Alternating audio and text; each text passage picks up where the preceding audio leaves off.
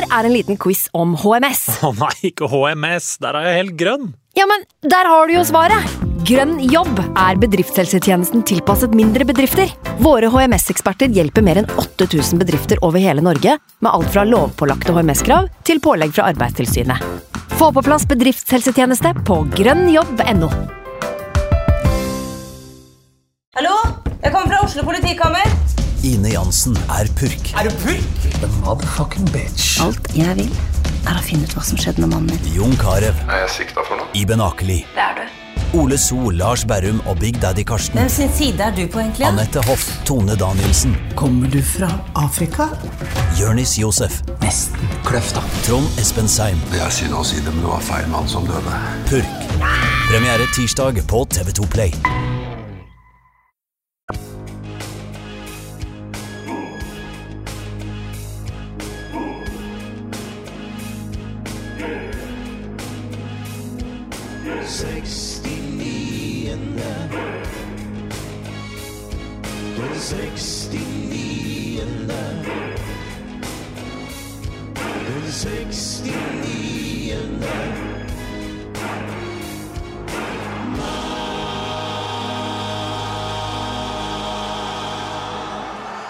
Etter eh, 34 kamper uten uavgjort kom den endelig. Gratulerer så mye til Molde med 2-2 borte mot eh, Sandefjord. Gratulerer også til eh, Ålesund, som eh, nå må ta turen ned til Obos. Eller må de det? Det er noe dagens gjest eh, kan hjelpe oss med å få svar på. Og eh, vi må også nevne at nå har vi endelig fått alle disse kampene i eh, runde 18 de eh, europalagene tjuvstarta på, så nå har vi en fullverdig runde til å kunne sette opp et rundens lag for denne runden også. Velkommen til en ny episode, og episode 42 av Den 69. mann. Og selvfølgelig velkommen til eh, Frank og Ashkan og Jonas. Alt går greit? Takk, takk. Jo da, det er godt å være tilbake etter at eh, jeg fikk fri av dere eh, etter en litt tung helg i Stavanger sist uke. Så godt å være tilbake. Og det var vel lavoddser på at han Jonas kom til å kjøre banter på meg når jeg ikke deltok sist uke, men ja. Beste episoden vi har hatt til nå. Eller hva, Ashkan? Det var helt nydelig. Uh, godt å være tilbake nå. Det er ny mandag, nytt poengtap, og Vålerenga koser seg i bunnen. Alt er uh, sånn. Alt er som det pleier. og Jonas, du, eh, du er med, men uh, litt tilbaketrukken rolle i dag. Men du kan jo bekrefte Ja, altså, at du er her. Jeg, jeg er her, og så var jeg i bryllup på lørdag, så i Det, går det skulle jeg kose alle følgerne våre på Instagram vet at du var i bryllup Ja. på lørdag. Ja, det gjorde det, for eh, jeg eh, la jo ut en video på vår Instagram-story, og trodde jeg var på min egen, og oppdaga det i går. Så, ja. Vi prøvde jo å si det flere ganger, men eh, det ble ikke gjort noe med. Så Det da var fikk vi delt det. det var fri bar, så Ja, men det var jo før baren åpna, var det ikke det? Nei. Og i kjerka. Det er jo ingen som ikke er i kirka med litt bindelommer, så jeg skjønner Jonas godt. Nei da. Men eh, vi skal eh, straks eh, få inn gjesten, vi. Men vi må bare ta et lite oppgjør, for vi har fått en god del tilbakemeldinger og i det siste om at vi begynner å dras litt dit mot å være en Vålerenga-pod. Eh, gjerne etter at Ashkan kom inn og skjønner jo at konspirasjonsteoriene begynner å gå. Men jeg skal bare avkrefte en gang for alle. Det Dette er ikke en Vålerenga-pod, det skal vi ikke ha på oss. Så over til noe annet. Vi ble kontakta av Østkantspillet. Eh, det, det er eh, et eh, spill som eh, settes opp og ble satt opp første gang i forbindelse med 100-årsjubileet til Vålerenga fotball. Og så har de satt opp kall varianter av det eh, hvert år siden. Og jeg skal ikke være noe dårligere i år. Så vi ble kontakta av de for De lurte på om vi kunne dele litt om eh, hva som skjer i år, for de av eh, våre lyttere som er interessert i eh, det. Og Østkantspillet det er et, eh, som de sier selv, et spill om Oslo øst, av folk fra Oslo øst, eh, for alle. Og i år eh, i, vil Østkantspillet faktisk tas inn på Jordal Amfi. og har fått navnet Neste kamp på glattisen. Altså en Østkantspillet on ice-variant. For å feire 110-årsjubileet til Vålerenga.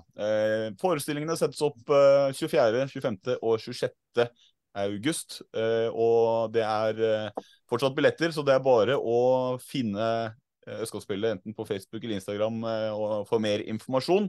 Og ja, det får vel egentlig holde der, så det ikke blir Søk opp. Østkantspillet på Facebook, så finner dere eh, informasjon dere trenger der. Men eh, vi Det kan var, jo det var nok. Det var, det var det vi hadde om Vålerenga i dag. Eller Ja, eh, altså Det kommer vi tilbake til, men eh, det er i hvert fall en stor stor porsjon av Vålerenga-praten i dag. Vi visste at det ikke kom til å gå bra at Jonas skal ha tilbaketrukken rolle. Det går to minutter, så er han i gang. ja, tilbaketrukken rolle, Jonas. Eh, det blir, blir, bra, men vi har i hvert fall eh, Vi deler dette fordi vi, vi, vi slår et slag for eh, slike initiativ som bygger opp rundt interessen rundt norsk fotball. Og denne gangen var det Vålerenga, men har dere noe der ute som vi kanskje vil kunne dele med lytterne våre, så ta kontakt, så skal vi selvfølgelig vurdere om vi klarer å flette det inn, da. Hvis det er noe lignende. Men skal vi bare få inn gjesten, da. Ordet legende er eh, ofte et begrep som blir brukt altfor mye, men i dag har vi faktisk med oss en ekte eh, Ålesund-legende. For eh, mannen har ifølge upålitelige Wikipedia hele 230 kramper på tangotrøyene mellom eh, 2001 og 2012, kun avbrutt av et eh, kort opphold i Vålerenga, hvor han kun var innom for å hente et eh, seriemesterskap. I hans eh, andre periode i ÅFK fikk han også løfte kongepokalen to ganger, men, eh, men selv med hendene og kongepokalen i været sto allikevel Tor Hogne Aarøy og så ned på ham. Etter endt karriere har han vært trener i eh, både Herd, Vålerenga og ÅFK. Nå står han uten trenerjobb, men er garantert på utkikk etter nye utfordringer. Det skal vi i, i hvert fall finne ut av nå. Velkommen til oss, Amund Shiri. Tusen takk for det. Alt eh, vel i dag? Ja, alt vel i dag. Jeg har faktisk av alle ting vært ute og prøvd å fiske litt laks på mitt hjemste, min hjemgård Skiri gård oppe i Romsdalen. Um, dessverre ingen fiskelykke i dag, men uh, det har blitt noe laks tidligere om åra, men ikke i dag. Ikke i dag, men uh, nye muligheter uh, andre dager. Ja, ja, ja. Det er, det er en fin ting å gjøre når du ikke driver med fotball. Det er å ta en tur i elva og prøve å få en laks på kroken. Det høres ikke dumt ut. Men Arskan, du har jo eh, lyst til å prate kanskje om noe annet enn uh, laksefiske. For det, det er kanskje ikke din uh, Det er ikke det du bedriver tida med til vanlig. Men uh, du hadde lyst til å prate litt med Amund om, om han, du. Så jeg bare Ja, kaster det- ballen over til deg. jeg. Jeg, fisker jo litt iblant, men vi kan jo eh, trenger ikke gå inn på det. Men jo, hei. eh, Velkommen. Eh, Hvem er egentlig Amund som person? Et stort spørsmål, da, Arskan. Mm. Eh, Jeg håper hele kvelden. Du vet hva, jeg er en eh, trivelig og jovial kar. Um, jeg har jo familie. Kone, to små jenter på åtte og seks år som eh, jeg liker å prioritere å bruke tid på. Og så utover det så er jeg en fotballidiot. Jeg har via livet mitt til fotball fra jeg var ungdom. og akkurat nå litt ute av det, men fotball er utrolig viktig for meg og har vært det hele livet. Um, liker um, musikk. Liker um, å fiske laks, som vi snakka om. Men det er ikke så ofte jeg får tida til det da, når du driver med fotball. Det er jo konflikter.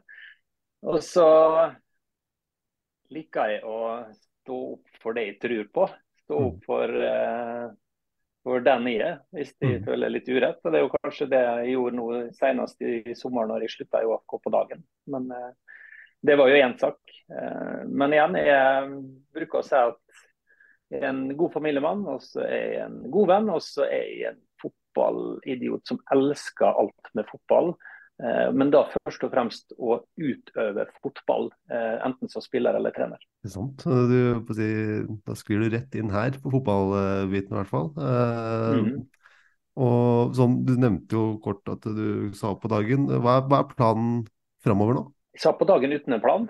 Eh, planen eh, var da å ta en eh, litt lengre friperiode, altså en ferie. Jeg har ikke hatt lengre enn to uker ferie siden 1993. Eh, og da plutselig ble det en friperiode i en, en fin sommerperiode. og Det har jeg nytt veldig godt med familie og meg sjøl. Og så er det jo sånn at fotballhjernen og fotballhjertet begynner å brenne for at jeg må finne på det neste. Det er jo bare sånn det er. Sånn var det som spiller, sånn er det som trener. Eh, Jeg er en fotballmann og skal inn igjen i fotballen. Kjenner du det kribler? Ja, det kribler i hodet. Ikke i bein, for det er- veldig ferdig spilt. Eh, Gammel nok som jeg er blitt, men jeg er veldig fotballhode. Har lyst til å gå i gang og skape noe. Mhm. Kan ikke du, er ferdig spilt, Fortell fortelle oss litt om eh, høydepunktene dine? Eh, Når du ser tilbake på fotballkarrieren din, hva, er det du sitter igjen med som dine største høydepunkter og sånn? Men hva, fortell litt om karrieren. Jeg skulle gjerne sagt til deg, Arskan, at mitt store høydepunkt i fotballkarrieren var gullet med Vålerenga i 2005. Det hadde du likt å høre, ikke sant? Det hadde ikke vært dumt. Eh, Men jeg kan ikke si det. Det var et fantastisk år og en utrolig opplevelse. Det var jo mitt proffeventyr å dra til Vålerenga da. Eh, De spillerne som var der, den opplevelsen vi hadde med seriegull. eh, Vi var så nært på å komme til Champions League, eh, en straffekonk der. Så for meg så var det mitt proffeventyr. Eh, Og da var jo Vålerenga blant de største klubbene i Norden. Men mine største opplevelser er nok med Ålesund. Og det er jo først og fremst det å ha vært med å skape en klubb som aldri Det var jo Norges største by som aldri hadde spilt norsk toppserie i fotball. Mm. Fram til vi klarte det i 2002 for første gang. Og det var med en gjeng som var nesten utelukkende andredivisjonsspillere og noen førstedivisjonsspillere. Og plutselig kom da vår guru Ivar Morten Nordmark, som dere sikkert husker, og tok oss til Eliteserien. Og derfra ut så har eh, eventyret gått først og fremst med ÅFK. Eh, og det toppa seg vel egentlig i 2009 for min del, da med to cupgull og slo Molde i en veldig spesiell cupfinale, der jeg da var så heldig å få skyte siste straffa, som gikk i mål. Og få springe æresrunde på Ullevål og løfte pokalen. Det er sånne ting som eh, det er få forunt. da. Og jeg tenker at vi var steinheldige som fikk lov å havne i den situasjonen. Det er jo lite som slår å vinne mot den nærmeste, argeste rivalen eh, på straffer på Ullevål, fullsatt, i hvert fall endelen, og, eh, og, og ta med pokalen hjem. Jeg hadde jo en mann utvist òg, det verste av alt. Det var helt spesielt. Jeg hadde, vi spilt kampen eh, 100 ganger igjen, så det hadde aldri skjedd på samme måte. Og så var det jo glad det ikke var VAR på den tida, for da hadde vi aldri vunnet cupen. Molde skulle jo hatt, eh, vi skulle jo hatt et rødt kort til, og Molde skulle hatt vi, vi skulle jo tatt noe straffe opp igjen, for keeperen vår gikk jo langt ut fra streken sin for å redde straffespark. Men vi vet jo at supporterne i dag er ikke så glad i VAR, og vi er veldig glad for at det ikke var VAR da heller. Man skal banne på at hvis det var eh, den versjonen av VAR som er nå, så hadde de ikke fått med seg det røde kortet eller, eller straffesituasjonen heller. Så det går ikke. Vi kunne fortsatt sitte og diskutert det.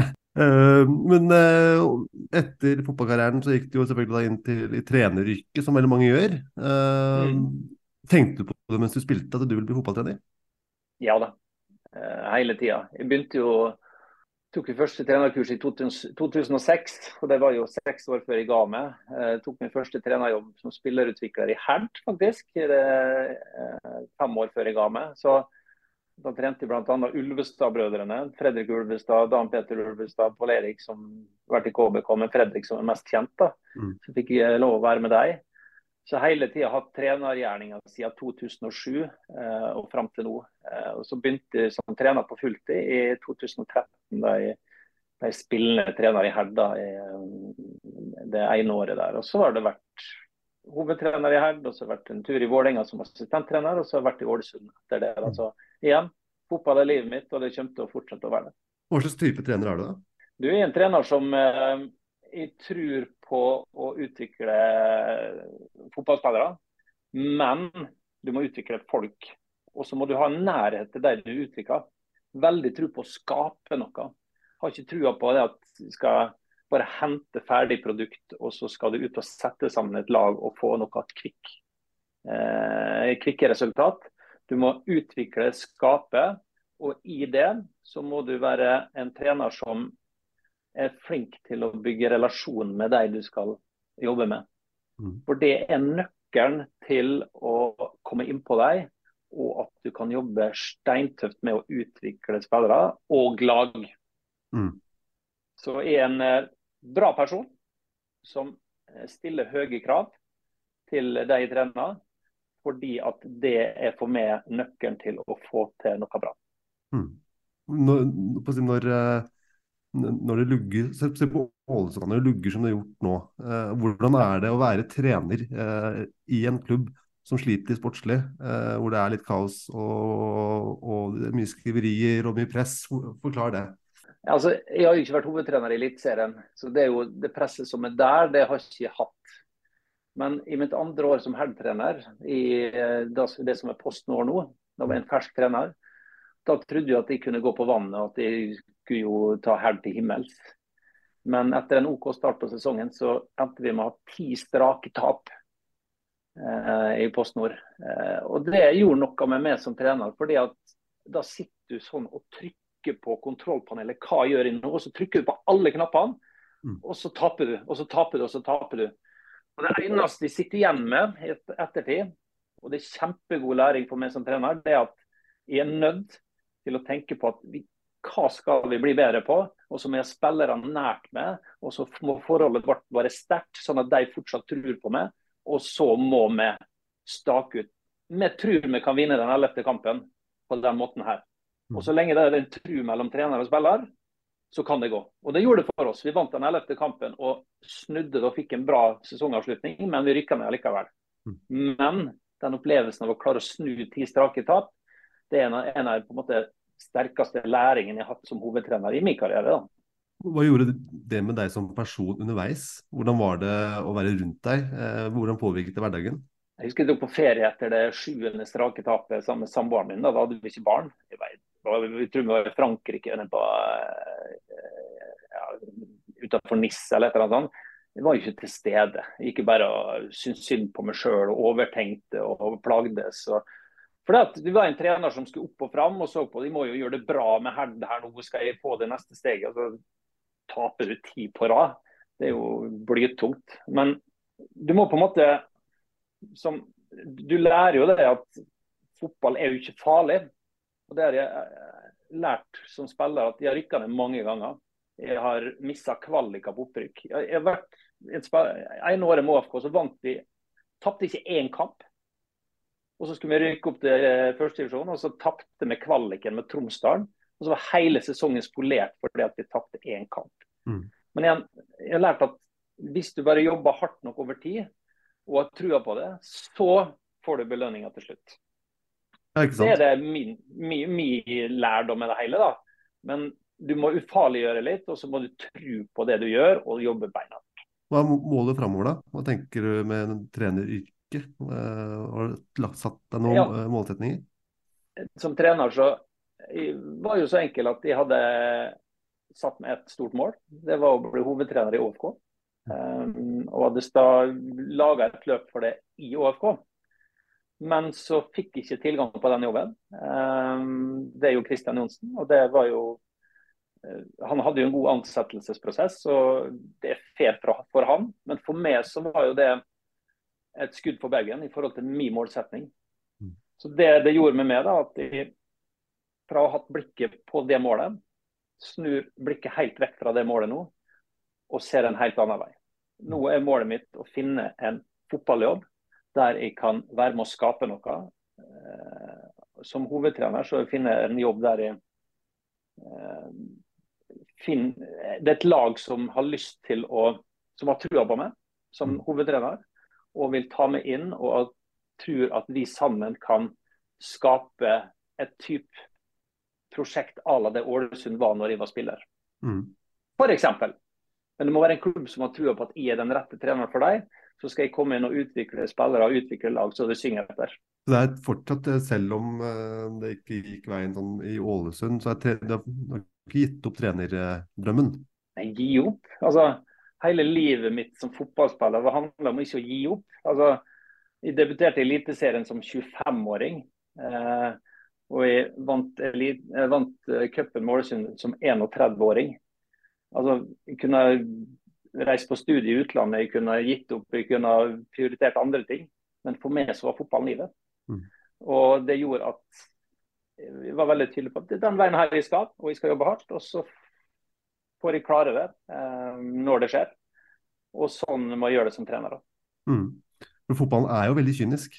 Og den bransjen er ja, en veldig kynisk og veldig eh, Du får ikke noe gratis. Du kan, hvis du er litt heldig og har litt, litt flyt, eh, så kommer man gjennom. Men eh, man ser jo, både da etter å ha jobba i, i Vålerenga og fått innblikk i hvor eh, hvor eh, lett klubber eh, spytter ut folk, eh, med Mm. mindre man eh, Med mindre det er stang inn på alt. Eh, Ja. så, så er det så, sånn sett får jeg forståelse for som f.eks. en Ole Sæter som, vil ut, som vil ha den kontrakten sin, eller hvis det er en fotballspiller som ønsker å, å, ta steget videre, en trener eller hva enn det er for noe. For med en gang du ikke leverer, så blir du kasta ut. Ja. Og det syns jeg er interessant.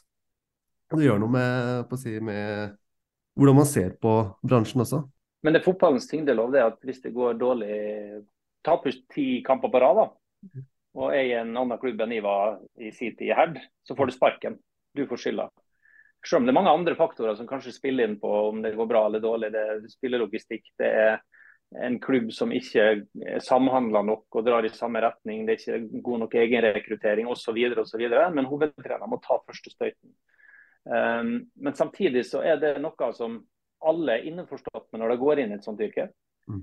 Og igjen da, jeg har levd et liv i, fotballen siden, i, i toppfotballen siden 1993. Jeg debuterte i første divisjon som 16-åring. Og hele livet mitt har bestått av kontrakter og det å prestere. Jeg liker det. Mm. Jeg syns det er topp. Mm. For det at når jeg nå går ut av ÅFK på dagen, går ut av en kontrakt, så ser jeg muligheter. Istedenfor at du tenker at uh, det var leit jeg ikke fikk OFK-jobben. Ja, det, må, det, var kjipt. Jeg hadde et mål om det. Men samtidig er det noen kjempemuligheter som ligger foran meg. Og det er kontraktsbasert. Og det er, du må ut og prestere og få resultat. Det er jo eh, Jeg syns det er nydelig. da. Uh, og jeg har lært meg å like det. Og du er komfortabel med den følelsen? Jeg er jo ikke komfortabel. så jeg, liker det. Men det, handler om at du må være trygg på deg sjøl og trua på deg sjøl. Mm. Mm. Og hvis du har det, så liker du kontrakter og du liker det trykket der. Men hvis du er usikker på deg sjøl og ikke føler at jeg er kompetent nok eller er god nok, og det vil fotballtrenere kjenne på av og til, det har jeg jo kjent på. Um, men det bunner ut i at du har trua på deg sjøl og tror at uh, du er god nok til å fortsette som fotballtrener. Og det har jeg definitivt. Og det, du er fleksibel på hvor du skal og med tanke på familielivet, eller er det hvordan, det, hvordan, går det med å ha familie i fotballen? Det må man være i den bransjen her, hvis du skal um, gå all in og være i toppfotballen. Men det er det mest undersnakka dilemmaet som er for toppfotballtrenere, har vært. Men det har vært oppe i lyset i det siste. Det har vært nylig en sak om Magne Hoseth som er på Klaksvik mens familien og småbarn er hjemme. Kjetil Knutsen har vel uttalt at han vil ikke snakke for mye om at familien hans er i Bergen, fordi han er nødt til å gå all in i Bodø. Så det har kommet litt fram i lyset.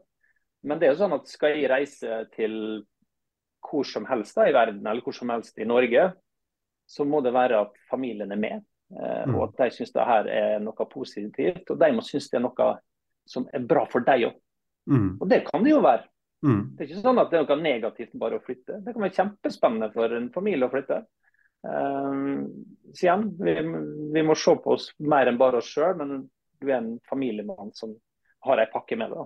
Håper å se, se på mer enn uh, oss selv. Noen vi må se på, er uh, Ålesund. Og Frank, du har et uh, par spørsmål om hvordan status er der? Ja, han nevnte jo fotballens tyngdelov her. og Det er jo klart at vi skulle gjerne ha snakka med han Amund når det gikk litt bedre med klubben i hans hjerte. Men nå er nå status etter 18 kamper, tre seire, én uavgjort og 14 tap. og 12 skåra mål og 30 38 innsluppede.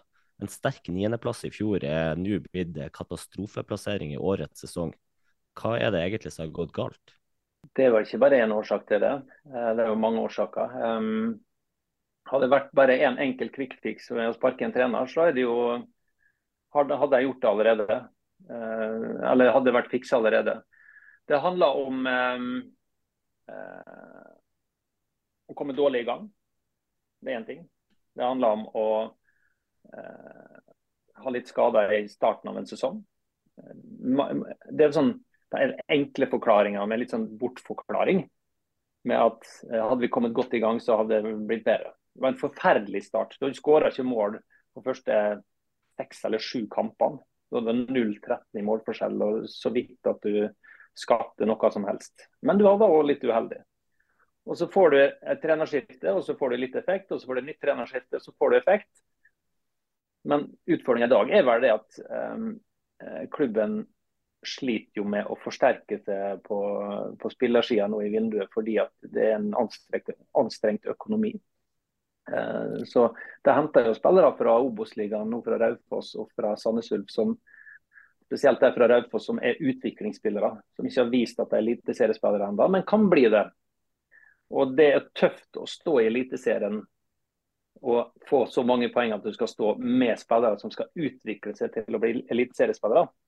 De kan jo bli det, men å forvente at de skal gå inn på dag én og være det, det er jo nesten litt urettferdig mot de som kommer inn for å utvikle seg òg, da. Så det er jo summen av mange ting. Eh, men igjen, eh, det er jo, eh, det er jo litt sånn trist med ÅFK at det har vært såpass opp og ned eh, siden 2017. da, Der en går ned i 17, klarer ikke å gå opp i 18, opp i 19, ned i 20. Jeg har en OK opp igjen i 21, og så har du en OK sesong i 22. og Så skal du fortsette å bygge videre, og så ser det ut til å gå ned igjen. da. Det er jo ikke avgjort ennå, men det ser sånn ut. Og Det er jo en klassisk sånn klubb som ikke klarer å komme seg opp igjen etter å ha gått ned. Det er jo flere klubber som har hatt det før. Ala Fredrikstad har jo vært i den gata der. Start har jo hatt problemer med det i flere år, så det, det er ikke noe nytt. Det virka å være litt eh, Texas rett før seriestart òg, når vinduet skulle stenge. og LAN eh, jobba til langt på natt for å hente inn spillere og alt umulig òg. Det var resultater så det bikka litt imot før sesongstart, som gjorde at mange eksperter hadde jo tippa Ålesund langt ned. så er du, er du overraska over at de ligger der de ligger nå, eller? Jeg er overraska over at det er så få poeng, ja. Um, det er både Jeg mener det har vært en stall eh, og et, et, grunnlag for å kunne plukke mer poeng. Eh, det er det. Men det er jo sånn i fotballen. Du kommer inn i en dårlig stiv. og Nå har det skjedd, vært et litt sånn generasjonsskifte. Det er en del eldre spillere her nå som ikke blir prioritert. Vi kan nevne Barmen Diop, vi kan nevne Jul Andersen, som er meritterte spillere. Som nå ikke blir spilt, men som nå spiller med yngre spillere. Så Det er jo valg som blir tatt, men samtidig så er jo da jeg kan ikke forvente at noen av de spillerne som da spiller, er ferdig utvikla eliteseriespillere. Så det er, de jobber for å sette et lag som skal være godt nok for Eliteserien, men enn så lenge så har det ikke helt klart å stabilisere seg. Det Det har vært enkeltkamper. Det har vært enkel, i perioder i kamper der det har prestert godt. Men summen så langt har ikke vært sånn nok til å få nok poeng til å kunne stå. da. Så det er fortsatt tolv kamper igjen, da. Det er tolv kamper igjen. Nå er det Vålerenga, Stabæk og Sandefjord med fem, seks og sju poeng over. De har visstnok også én kamp mindre spilt. Hva skal til for at det her Ålesund-laget skal overleve? Er det noe som tilsier at det kan skje? Ja, det kan jo skje.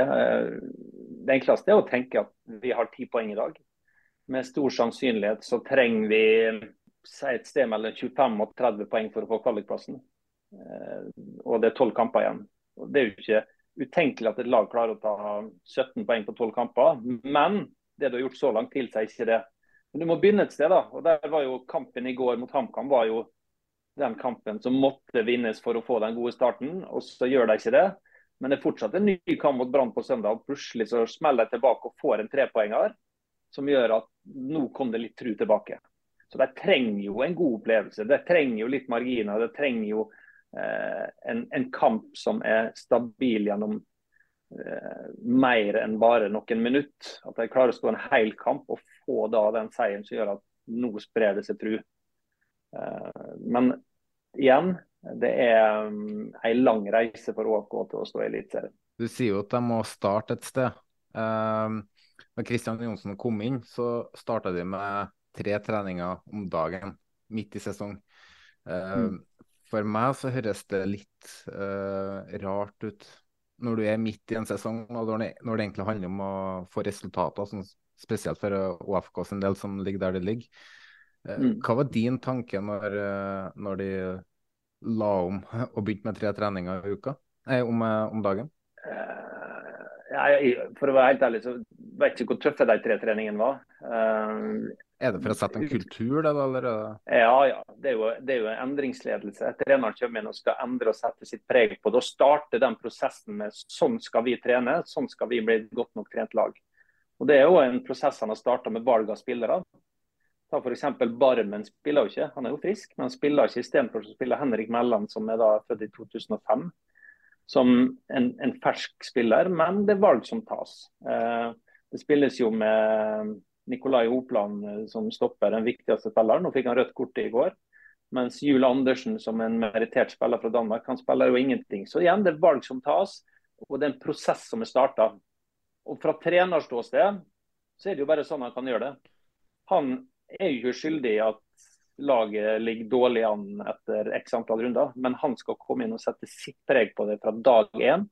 Og da er det inn og trene mer. Eh, trene på den måten som jeg har trua på. Og så er det å spille med de spillerne som tåler å trene på den måten som jeg har trua på.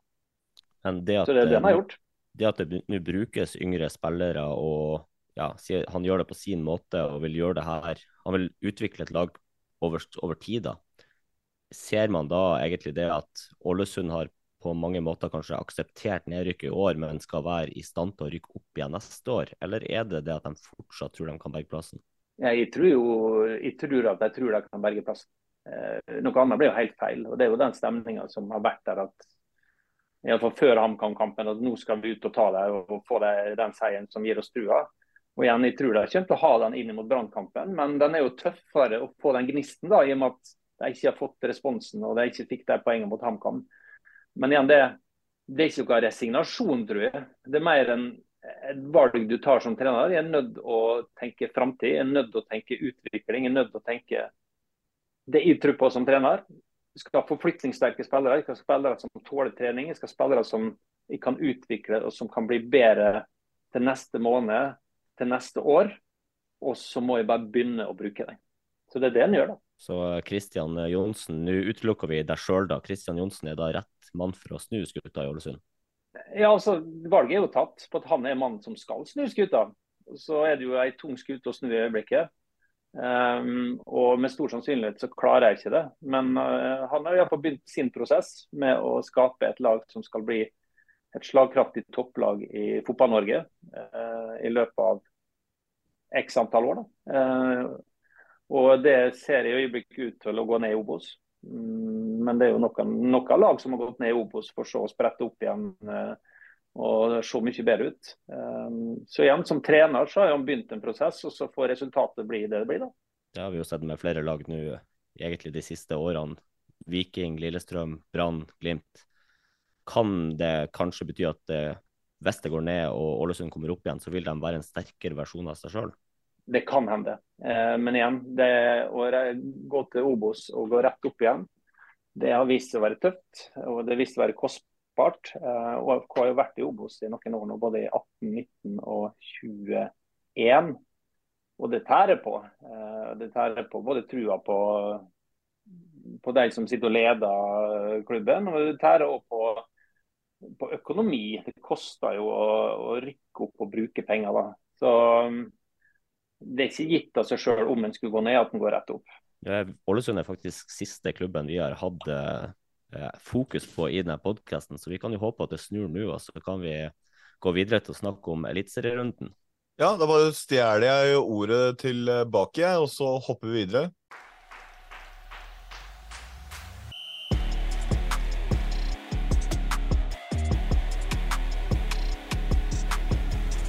For uh, du var jo inne på det, Amund, at uh, det er jo tolv uh, kamper igjen.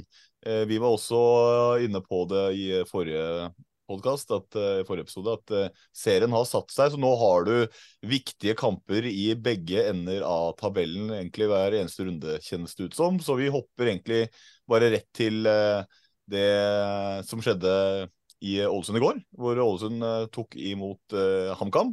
En svært viktig kamp for begge laga. Eh, og det ender da med et 0-2-tap eh, for Ålesund, eller en 0-2-seier for HamKam, alt ettersom hvordan man ser det. Eh, og HamKam steler med seg de særdeles viktige poengene. Hva sitter du igjen med etter matchen der, Amund? Kampen er nokså jevn, og så blir den avgjort på nettopp litt urutinerte feil. Det blir en stygg, stygg personlig feil tidlig, eller rett før pause der, som Pål Alexander Kirkevold utnytta på en god måte for HamKam. Og så er det en tidlig skåring i andre omgang på et innkast der ÅFK blir litt for lett i boksen. Og da nær nevnte uh, giftige målpål setter inn 0-2. Uh, eh, og Så skal ÅFK fram og jage etter det. Må opp og jage og kaste alle mann i angrep. og så får de en mann mindre når det bikka en time. Så det er en del ting her som litt sånn mentalt ødelegger for OFK. Skåring rett før pause, skåring rett etter pause, og så er det et rødt kort etter en drøy time. Men så ser du kampen fram til 60, så er det ingen topprestasjon av AFK. De har spilt bedre omgang enn det etter Kristian Johnsen tok over. Så det er nok skuff over det de leverer. Og så er det jo sånn at HamKam de er jo desperate, de òg. De eh, har jo et lag som virkelig eh, kjemper hardt for å unngå nedrykkstiden. Og kom med et rutinert lag. Det er jo et uh, voksent HamKam-lag som, uh, som, spiller. Uh, fikk inn Mava der som ikke Han spilte en, han spilte ikke en fantastisk kamp, men det, det, det, som skjer når han spiller på topp, eller han spiller kant der og nesten litt som spiss av og til med kant, at du får en voldsom bakromstrussel med han. Og det gjør at Pål Alexander Kirkvold får mer rom til å bli brukt på kropp og fot. Eh, og Det så ut som en interessant duo med tanke på HamKams i framtid. At de har fått inn en som komplementerer han såpass bra. Det føles jo litt som at han Kirkevold er forskjellen på lagene, rett og slett. Å ha den type kraft og rutine er på mange måter kanskje det Ålesund mangler. For, uh, ja, det henta jo Ramsland rett før, men han ble kasta inn i det etter ei lørdagstrening. Liksom, så man kan ikke forvente at han skal Han har vel ikke levert uh, topp i Sandnes Ulf i år med tanke på stats og skåringer. Men eh, Pål Alexander Kirkvold er jo en bra spiss. Eh, men det han er god til Han er, har en nydelig venstrefot, han er en bra avslutter. Han er god feilvendt og en god relasjonsspiller.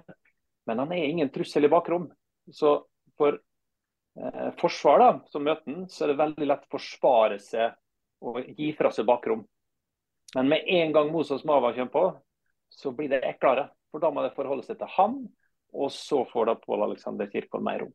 Marius Loda har uttalt at uh, den verste spissen han møter i Eliteserien, er Kirkevold. Og det er jo Man kan jo tenke seg om sånn kvalitetsmessig så er det jo en, en Spirre en Bård Finne, en Kraftpakke, en Akar Adams eller en ja, i en vet om Berisha. Og så er det liksom Kirkevold han drar opp som den verste han møter. Så det er jo noe med det der, eh, det han har, den pakka han er, da. Det kan jo også, jeg, ja. tenkte, jeg kan bare tenkte, det kan også være at uh, denne Ramsland uh, er er Du sa inne på at de prøver å styre etter å sikre denne kvaliken. fordi Han er god i kvalik, der kan han bli uh, avgjørende. Så kan det være bare å få han varm til kvaliken. at jeg, det er ikke, Håpet er ikke helt ute i Ålesund. De sikter seg inn på den plassen, kanskje. Men er det, noe, er det noe mer fra, den, fra det ja, kall det bunnoppgjøret da, som, som er verdt å nevne? Nei, den eh, kampen eh, fra en time og ut, så er den nesten død. Eh, Ålesund er en mann mindre, og HamKam kontrollerer inn tre poeng. og De er sikkert meget fornøyd med å få de tre poengene og komme seg unna ÅFK og få de lagt helt ned i bunnen. Definitivt et stort slag for ÅFK, for jeg vet at de hadde invitert barnespillere, mye publikum som skulle komme og støtte laget og få de tre poengene som ga dem trua. Eh, så den var tøff å svelge for eh. Altså. Sånn klassisk kamp som gjør litt ekstra vondt nå, hvor jeg skal liksom snu, eh, snu skuta, så er det bare trøkka enda litt lenger ned i sørpa. Jeg kan relatere om dagen, men over til noe annet som kanskje var relativt dødt. Det var jo en kamp på Intility i går, kamp, rundens hovedkamp. Nå var det ikke så mange kamper fordi europalagene tjuvstarta litt. Men uh, Vålerenga tok imot uh, Haugesund. 1-1 uh, ble det der etter en tidlig uh, scoring uh, fra Sordiara. Og magiske Petter Strand dukker opp igjen, målsniken. og sikrer et poeng, i hvert fall for Vålerenga, som ja, første poenget siden 16. mai. Fikk du sett den kampen, Amund? Ja, jeg fikk sett mesteparten av den. Fikk ikke sett helt på tampen, men det er ja, tilbake til Geir Bakke har tatt over, han òg. Og han har begynt en prosess. men det er ikke noe kvikkfiks for Geir Bakke heller, altså. Det ser mm. ikke kjempebra ut i første omgang. Eh, får jo en eh, tøff start der når Hammer Kjeldsen eh, eh, roter vekk ballen eh, foran eget mål der. Og Da går jo tankene mine til, eh, til gode gamle Arsen Wenger, som uttalte det at du betaler for utdanning av unge fotballspillere med poeng, eller la oss si tapte poeng. Mm. Og I går ble Vålinga skadelidende av at de utvikla veldig unge fotballspillere med at uh, Hammer Kjeldsen gir vekk uh, ei skåring. Mm. Eh, Men så blir de bedre i andre omgang. Vålerenga. Jeg syns de løfter presset og blir mye mer aggressiv. Og Petter Strand som nå har fått ei litt ny rolle der han får være litt mer offensiv, og ikke den der ligge droppende, droppende midtbanespilleren er som midtstopper. Skåra igjen mål og ser ut til å få en viktig rolle for Vålerenga framover. Jeg skyter inn på det du sa med Hammer Kjeldsen, der, som, eh, der du betaler poeng for å utdanne unge spillere. Stefan Strandberg gjør akkurat nøyaktig det samme, men fikk frispark. Hvor jeg mener det var feilaktig. da. Hvor, eh, hvor eh, Haugesund ville ha kommet fire mot to eller noe sånt hvis ikke dommeren har blest. Vi betaler er dyrt. Ja, vi betaler dyrt for de poengene der også, så ikke tenk på det. veldig kostbart. Men igjen, da. Vålerenga da, skal være en utviklingsklubb, så må du akseptere at 17-åringen gjør sånne feil. Eh, For det er bare sånn livet er. Uh, unge gutter er ikke feilfrie. Men vi kan ikke akseptere at uh, de eldste og beste gjør for mye av det der. For Hvis alle skal gjøre hver sin feil, da blir det ikke bra nok i sum. Så de, det, er jo, det er jo vi kan ikke legge skylda på Hammer Kjeldsen for at Vålerenga ikke gjør det bra. Heller tvert imot. Han har gjort det meget bra og vært en redning for dem når de har trengt det. Når de eldre og de rutinerte ikke har klart å stå fram. Ja da, nei, Jeg tror ikke det var mange eh, som surmula over Hammer Kjeldsen i går. I hvert fall ikke mitt inntrykk i eh, etterdønningene. Men eh, Frank, du har kanskje noen tanker, du? Ja, jeg syns egentlig Haugesund kommer dit med en smart plan. Eh, Haugesund kommer til til eh, og liksom, De er solide bakover, de er smarte i hvordan angrep de vil å gå for. og De har fart på topp som er skummel for et tregt eh, Vålerenga-forsvar å håndtere. Så eh, egentlig kudos til Haugesund eh, for kampplanen deres. og de kunne fort ha straffa Vålerenga enda hardere. Og eh, som han Amund eh, sier, at eh, Vålerenga blir bedre på press etter hvert. Men jeg syns periodevis så er det jo helt katastrofe å se et lag på hjemmebane stå og la Haugesund trø på ballen i eget forsvar, og tida bare tikker. Eh, Vålerenga ligger dypt i 5-4-1 i lange perioder med Jatta som fremste mann på 30, 30 meter fra egen keeper. så hvis, hvis Vålerenga skal berge plassen, hvert fall, så er de nødt til å få sitte bedre press, sånn som de gjorde utover i kampen da tidligere. Fordi at eh, de, de blir spilla lavt, og Haugesund har egentlig god kontroll i store deler av kampen. Der, savner man da en leder i laget. Det var det man trodde man fikk med Stefan. At man fikk en leder, eh, som er landslagsspiller, som trøkker opp spillerne. Eh, Det samme i Midtforsvaret. Hadde vi med Tollås eh, fra- fram til han ga seg. En som bare sier ifra litt eh, og, og, og løfter opp laget. Så er det vanskelig når det er i den situasjonen man er i. Men første gangen i går var helt forferdelig. Det har ikke vært borte. Så, vi har sett mye dårlig fotball på ballet, men det, det var ikke godt å se. Det er jo litt den der frykta som slår inn i situasjonen som uh, Vålerenga er i nå. da. At du blir mer redd for å tape enn lysta til å vinne. Og da tør du ikke å sette presset høyt. Du er redd for hva som skjer bak deg. Du tør ikke å angripe, for du er redd for hva som skjer når du mister ballen. Og da, da kommer det i en vond sirkel. da, og Det, er jo- det er jo nå de skulle ha utnytta momentumet seier i forrige kamp, med å få to på rad. Og så greier de ikke, og så er de tilbake igjen. Og så vinner andre lagene i rundt i på tabellen. Så Vålerenga er i deep shit nå. Ja, men det har vi vært klar over ganske lenge. Men det er som du sier da, Jonas, hvis jeg bare fyller inn på det, at det, det sitter jo ikke Det er ikke lenger tilbake enn forrige hjemmekamp for Vålerenga, hvor man opplever å skal gå for tre poeng, eh, og så får du eh, taper på overtid i stedet. Så det er klart at sånne ting også spiller inn, uansett hvor god gruppa egentlig skal være, kanskje, eller sammenligna stallen og starthelveren med problemene Haugesund hadde inn mot denne kampen, og Bruno Leite som måtte stå over pga. dette røde kortet mot Rosenborg og sånne ting. Så det, det, det, det er noe der også. Det, det, som Du må berømme Haugesund, som Frank sier, for en ja. veldig god kampplan. Og, og det er mange som har snakka om at Haugesund kanskje kan blande seg inn i nedrykkssumpa, og det har jo vi snakka om òg. Men de har dere matchvinnende mål. Ikke at du så det i går, da, men og så har de sorry, en, uh, Diarra på topp og uh, Enjoy, som er matchvinnere som kan gjøre ting litt på egen hånd. Uh, Sjøl med spillere ut med skade. Søderlund kommer ikke på å gjøre en uh, viktig jobb, eh, både off og def. eh, så eh, det er kanskje litt det der uh, Vålerenga mangler nå. Det er enerne, rett og slett. Men tilbake til Haugesund, da. Eh, Så er jo Vi snakka litt om eh, utvikling av unge spillere osv. Haugesund er jo et eh, veldig interessant lag. sånn eh, Sammensetning på alder.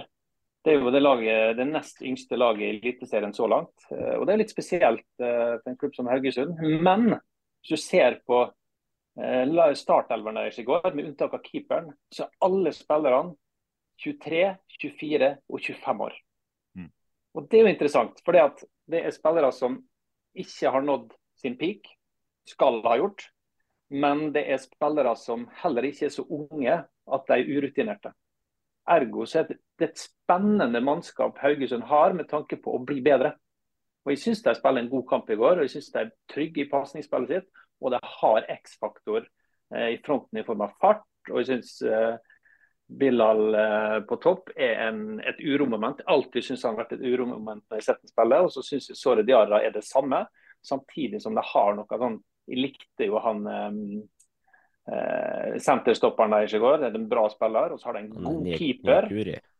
Ekure, ja. Han har jo vært en del skada i år. Men jeg, jeg ser den, den litt sånn uvøren spiller, men det potensialet der i form av fysikk og litt sånn Iggo Ogbu-følelse altså når de ser han spille. Han, han kom jo fra nivå tre før sesongen her, tror jeg. Hvis jeg ikke tar helt feil. Ja, han kom fra Vard Haugesund. Ja. Så det liksom komme inn der og gjøre det så bra på Intility, så jeg, jeg, jeg likte Haugesund. Og som, som, som, trener, hvis jeg skulle jobba med et sånt lag, da, kjempespennende. Ja, vi, vi, spiller jo, eh, vi spiller jo mot uh, Jeg trener andredivisjon sjøl, og vi møter jo Brattvåg og Vard Haugesund og sånn. Uh, og Vard Haugesund har faktisk flere av de der typene der, Sissoko bl.a., som uh, fort kan ende opp i Haugesund til neste år. og gjøre det samme da, hvis de selger noen av de spillerne her etter sesongen. Så Haugesund er jo litt heldig der at de har gode klubber rundt som utvikler gode spillere som de kan hente ifra når, de har, når, de, når det er behov. Men da tror jeg egentlig vi bare hopper videre, for uh, du var jo inne på det du, Jonas, om at uh, det var litt sånn at for Vålerenga sin del så var de andre lagene rundt på tabellen også plukke poeng eller vinne matcher. Men, så vi må rett og slett se på Sandefjord, da, som tar imot Molde på hjemmebane. Men Sandefjord sitter nå igjen da med syv poeng på de siste tre mot Molde, Sandefjord, Sarpsborg og Vålerenga. Med når de får denne 2-2 på overtid med Gud Tveter sin eh, mirakuløse eh, heading. Det, det, blir et veldig veldig viktig poeng for uh, Sandefjord. Eller uh, desto kanskje smell for Moldes håp om å blande seg inn i toppen, kanskje? Eller hva tenker du, Amund? Ja, det er et skudd for Bergen ta for Molde. De gjorde jo mange bytter med tanke på å spare spillere til kamp i morgen mot Klaksvik. Men uh, et topplag eh, rir av den der mot Sandefjord. Og så kan du si det er et eh, mesterstykke av ei heading av Ruud Tveter. Det er helt ufattelig at han får den på mål. Men allikevel så er ikke, er ikke det godt nok av Molde når de først tar ledelsen der og klarer å holde unna mot Sandefjord. Eh, men Sandefjord slutter aldri å overraske. Altså, det er det laget som i, i mitt hode har dårligst forutsetninger for å lykkes i Eliteserien, av alle som er der. Uh, Henta spillere som ingen andre tenker på, og som ingen andre mest sannsynlig ville ha prøvd å hente. Det er ikke mange av dem iallfall. Og så klarer de å skape et lag som er konkurransedyktig, og som nå da spiller uavgjort mot Molde. Det er ikke ufortjent. De skaper brukbart med sjanser. og det er um, godt trenerhåndverk av mister Rødegård eh, i hvalfangerbyen. Uh, det er mye spennende uh, i Sandefjord. Han uh, Vetle Valle egentlig redning på strek, viktige blokkeringer. Fungerer som back, fungerer som midtbane. De har et enormt talent i den gutten der. Og så syns jeg kampen mot Molde, så syns jeg han Dunsby er livsfarlig.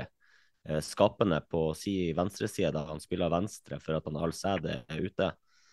Det er mye spennende med de her Sandefjord-spillerne. Og vi har vært innom det før at det kommer nye kantspillere år for år for år i den klubben der. Eh, det har vi snakket om tidligere, men Vi eh, har hentet Viktor Johnsen tilbake nå, går det rykter om?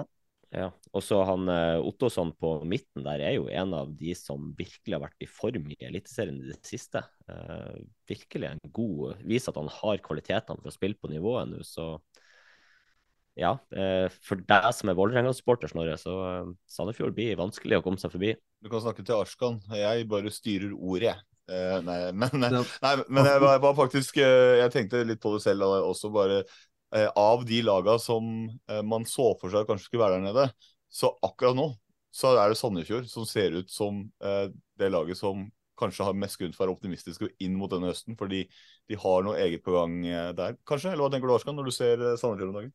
Ja, definitivt. å se når du møter Molde. og Jeg syns de er bedre enn Molde også hele kampen, egentlig. Molde har sine perioder, eh, men det virker som at eh, Sandefjord har eh, grei altså, De de hadde vært veldig skuffa hvis de tapte, tror jeg.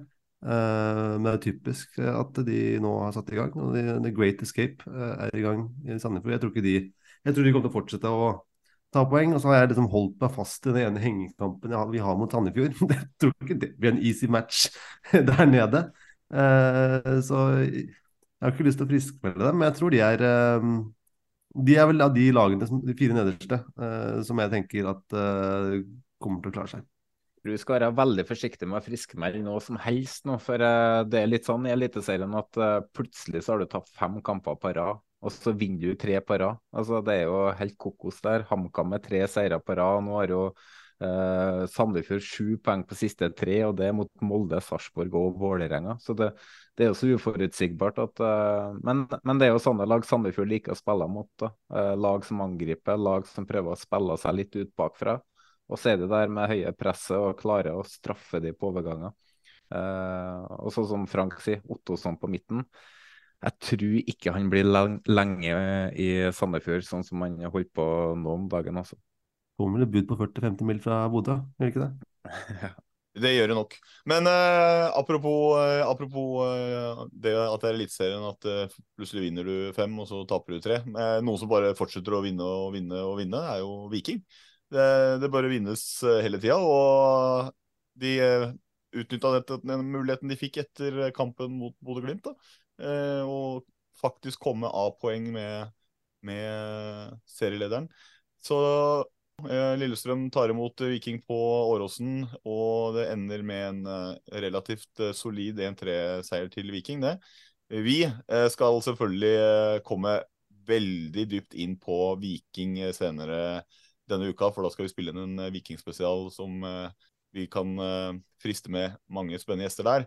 Men hvis vi skal se på kampen eh, utelukkende nå, da, og ikke gå så dypt inn på Viking spesielt, hva sitter vi igjen med derfra? Nei, det er jo Viking er jo på en vanvittig bølge. Eh, jeg trodde den skulle bli tøff for dem, med suspensjonene de hadde i, i um, Jasbek og eh, Slatko Tripic. Men igjen, det viser styrken de har når erstatteren som kommer inn, De Agostino, blir helt avgjørende for kampen. Og så får de Løkberg inn på banen igjen, som nå har signert ny kontrakt. Og vi vet hva han på sitt beste kan gi for et lag. Så igjen, fotball, da. Det å komme i flytsone og trua på deg sjøl og sjøltillit. Det føles helt sikkert ustoppelig nå. Eh, og så Brekalo har ikke blitt solgt, og Solbakken er ennå ikke solgt. Solbakken er jo on fire. Ta skuddet han setter på eh, tredjeskåringa til Viking. Det er så bra, det. Det er så deilig langskudd å se.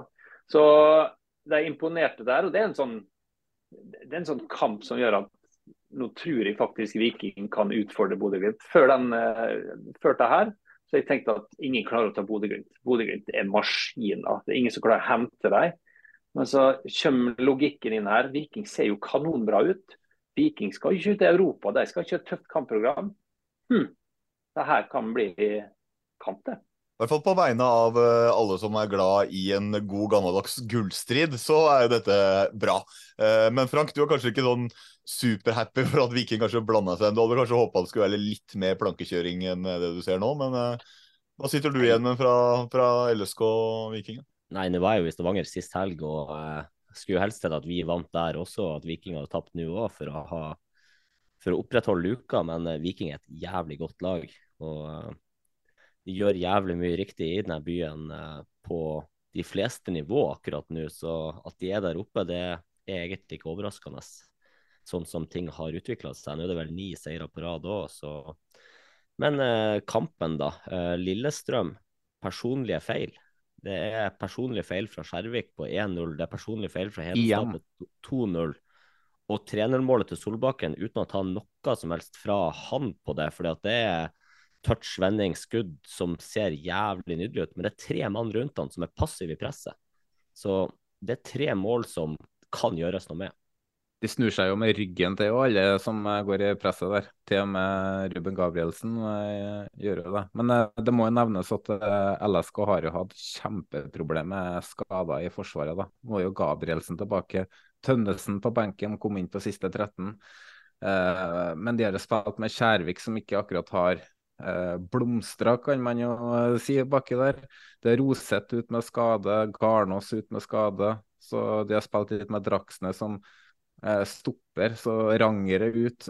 Så de har jo hatt kjempeproblem eh, i sentrallinja si. Og, og troppen er jo ikke bredere enn at man vil merke det. Og så I tillegg så har de mista Adams da på topp. Men, eh, men der har jo Skogvold kommet inn og virkelig eh, visst at han er verdt å satse på. Men uh, vi får se da hvordan det går med ny trener til LSK nå. Uh, om uh, det rekker å ta form, og om de kan begynne å få resultater igjen. For hvis Lillestrøm fortsetter den trenden nå, så vil de synke kraftig på tabellen. altså. Kan Bakke ta mer poeng enn Bakke? Det er bakkeduellen. Ja. Mm. Det, det positive med den kampen er at du slipper noe gnål om at de oppsetter den Geir Bakke-tabellen på nytt. Det har de lagt fra seg. Det er deilig, det er befriende. eh, De plukka jo noen poeng, Lillestrøm, med, med Mesvin som trener. Men uh, vi la kanskje litt lite vekt på hvem de møtte når de tok de poengene. Det passer ikke, det ikke agendaen deres. Der var det full eh, pott, og alt var bedre. Og nå, nå er livet gått på Åråsen. eh, og så sitter det og brenner i alle rom. Eh, Hører vi har to Vålerenga-supportere på den, nå, men uh... Jeg ikke dra meg inn i det suppa til Arskan. Du sitter, sitter og smiler. Ja, Du sitter men- og smiler. Men det ser man jo ikke på podkast. Altså, det er jo det er jo som sagt ikke videopodkast. Ingen hadde lagt merke til det hvis ikke du hadde sagt det.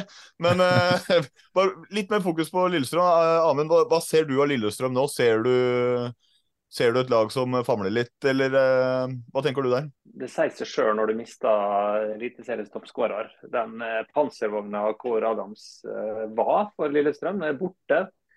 Eh, Å erstatte det, det klarer jeg ikke. Lene Olsen skåra jo litt mål. og Det var fordi han lå i, lå i hælene og dragsuget til han godeste Kåre Adams. Så det er tøft for Lillestrøm. Og så har jeg vært inne på skadesituasjonen. Um, nå skal jo Eirik Bakke inn her, da, eh, på en korttidskontrakt. Det er jo en sånn interessant ting inn. Er han en på sånn prøvetrening for å se om han er god nok til å signere på eh, permanent? Eller er det sånn at de skal finne en annen løsning bare fordi han skal være der nå i eh, tre-fire måneder? Det er snakk om. Mm. Så det, Den der rollen og det, det lille, den situasjonen de er i nå, den blir spennende å følge. altså. Og det, det er nok av usikkerhetsmoment for Lillestrøm nå, etter å ha vært på Simon Mesfin-bølga. Eh, Så kommer jo til og med han og meldte at kanskje jeg skal til England jeg, og bli sportssjef der borte et sted. Så nå er det Arskan og kompani som eh, liker Vålerenga. De kan jo kose seg med at det ikke er så rosenrødt i Lillestrøm lenger. Jeg meldte jo for et par dager siden, fire-fem dager siden, at uh, jeg tror den korttidsløsninga her er, er der pga. at de ikke har gitt opp eh, Gaute Helstrup. Uh, vi hørte Det baserte på du på en magefølelse, bare for å presisere det. Ja, magefølelse. Men, men uh, det var etter at jeg hørte uh, Fotballrådet, hvor sportslig leder i Tromsø var, og uh, han sier at de forlenger avtalen, eller uh, forbedrer avtalen, for å få økt den lave klausulen han har. og Det ryktes jo om halvannen million, uh, sa på spissvinkel tidligere i dag. Og de òg tror jo at de kommer til å gå for Gaute Helstrup etter sesongen. Jeg tror Gaute Helstrup forlenga for å fullføre det han har gjort i Tromsø nå, ut året her. Og så ser han, da. Det kan jo hende at Tromsø kommer på andreplass, og, og at det gir eh, Champions League-kvalifisering, for alt vi vet. Eh, men eh, jeg tror fortsatt at eh, det er en eh, mulighet. Men da får du jo en sånn liten skvis, da. Hvis eh, Erik Bakke vinner resten av kampene, hva da? da eh, så det, det er jo en audition. Det må man jo kunne si at det er. Nei da, men eh, det ble i hvert fall eh, delt ut eh, viktige poeng i gullkampen for Viking der, men vi hopper videre til eh, noe som er minst like interessant. Eh, denne episodens aller siste kamp å snakke om, eh, eller ingenmannslandkampen, som Jonas har valgt å kalle det. For Sarpsborg tok imot Strømsgodset på, på hjemmebane. Og Godset kom da inn med en eh, ganske fæl rekke. Jeg så vår tidligere gjest eh, Kim eh, Rolund sa kan vi begynne å spille mot de bra laga igjen. fordi de dårlige laga da bare tapte og tapte og tapte. Så kanskje fikk han det litt som han ville. For Sarpsborg har jo tidvis vært et eh, ganske bra lag. Og Godset sliter med seg, kan vi vel i hvert fall si. Eh, tre viktige poeng eh, etter å ha snudd den eh, kampen. Og Frank, du, du så den. Ja, altså, jeg vil nesten kalle det et ran, altså. Eh, jeg syns jo sånn kampmessig så er det Sarpsborg som fører kampen nesten fra A til Å.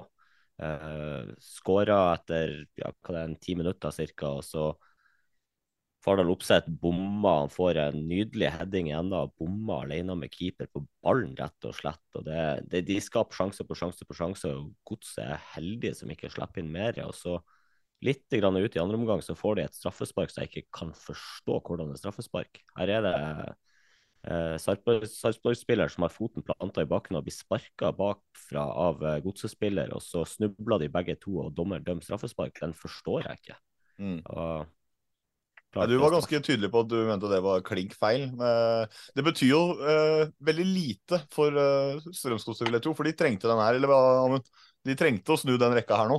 Veldig viktig. Altså, ikke minst det skjer uten ja, Gulløksen er jo solgt for en stund siden. Uh, og så er det jo da Braut Brune som skal til Belgia, tydeligvis. Eh, og det laget som eh, da starta for Godset, det er ikke et uh, veldig sterkt eliteserielag, som på papiret. Men det å få med seg seg tre poengene For klart, uten deg så står du med 20 poeng, og du har da fire poeng ned til Stabæk på kvalik. Kan fort begynne å rote nedi der. Men nå har de 23 poeng, og det er 12 kamper igjen. Det skal veldig mye til for at godset skal havne i skitten. Og det kommer jo til å forsterke seg, men det var en, en veldig veldig viktig seier for å få de poengene. Eh, og så er det jo òg en viktig seier med tanke på å få i gang Eirik Ulland Andersen som nå har ikke spilt fotball på lang lang tid. Men vi vet jo kapasiteten til spilleren. Men en eldre spiller som må kommes i gang og må spilles i gang.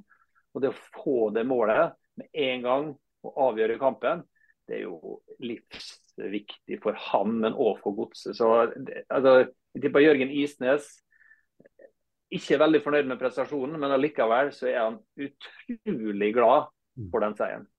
Signerte Godset en ny spiss nå i dag. Eh, så jeg, I dag, 13 minutter siden, kom det på Twitter. Elias Hoff Melkersen eh, er klar for eh, Godset. Det tror jeg de trenger. eh, å En få spiller du kjenner til, Frank? Ja, veldig, veldig spennende eh, spisstalent. Var jo i Glimt eh, for noen år tilbake, før vi solgte han til eh, Skottland. Så eh, han eh, har jeg stor tro på at eh, når han får tid, vel å merke, til å spille seg inn i det laget, så er det et bekjentskap norsk fotball skal få lov til å bli glad i. Eh, Skåra bl.a. brassespark i Obos-ligaen før vi sendte han til Skottland. Men hva er det som skjer med Hva er det som skjer i Østfold? Nei, Østfold er Østfold. Østfold vil alltid være Østfold. Det, Ja, men det er, det er jo fascinerende at de går og det, det du sa i stad, Jonas, at det snur fort i Eliteserien. Der har det snudd veldig fort. Flere ganger. Fra, eh, ja, de, de, de, være de, de kopierer jo 2022. Det er ti, ti kamper bra, ti kamper ræva, og så har det noe siste fra kamp 20 og ut. Så kommer det til å være bra igjen. Det er jo Men Billborn eh, signerte en ny kontrakt, og så virka det som at han var fornøyd med sesongen eh, etter det. Var sånn, det var jo sånn cirka derfra ut så sesongen havna litt sånn i ingenmannsland eh, for de, for de var vel livredde for å kanskje miste treneren da, for det var inne i en kjempebra periode. Så Rosenborg det, det, er jo litt, det er jo litt så rart, da. fordi vi, vi tenkte jo at ok, først når Sarpsborg spiller, så blir det 5-4, 4-3 og 3-2. Men så starter de jo sesongen og har vel 4-2 i målforskjell etter seks runder eller noe sånt. Og eh, De slapp ikke inn mål, de slapp ikke til målsjanser, og så bomma de på mye målsjanser framover.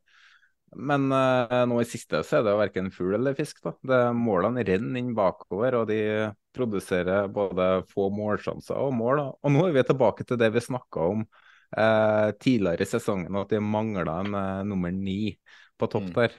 Eh, og det føler jeg fortsatt at det gjør. da. Oppsettet er en, eh, den, bra eliteseriespiller, men uh, et, når, Sarpsborg er på sitt beste, som, så er de en, i hvert fall en klubb som skal være topp seks, da, sånn som de har eh, levert på sitt beste i år. Men eh, uten den uh, ordentlige toppspissen, så mangler de den matchvinneren eh, i 16-meteren. Og så, og så syns ikke jeg keeperspillet siste tida har vært all verden heller, da, på en Kristiansen. Hva hva er dine tanker avslutningsvis eh, før vi hopper til rundens lag, Amund, om Sarpsborg og, og resten av sesongen for de? Jeg kan ikke drive og slippe inn så mye mål. Eh, Altfor mye. Men det er jo Billborn-lagene slipper inn altfor mye mål. Sarpsborg spiller jo en fantastisk fotball når det flyter. Eh, Men når det, så er det altfor utsatt for kontring imot. Og så er de altfor utsatt når de dagene ikke flyter helt. Eh, Og det gjør at det blir et underholdende lag, men det er et fryktelig, fryktelig ustabilt lag. Så Sarpsborg har jo eh, et spill eh, offensivt som gjør at de kan være topplag, men de forsvarer seg så langt unna det å kunne være en medaljekandidat. Så Det er jo min tanke om Sarpsborg.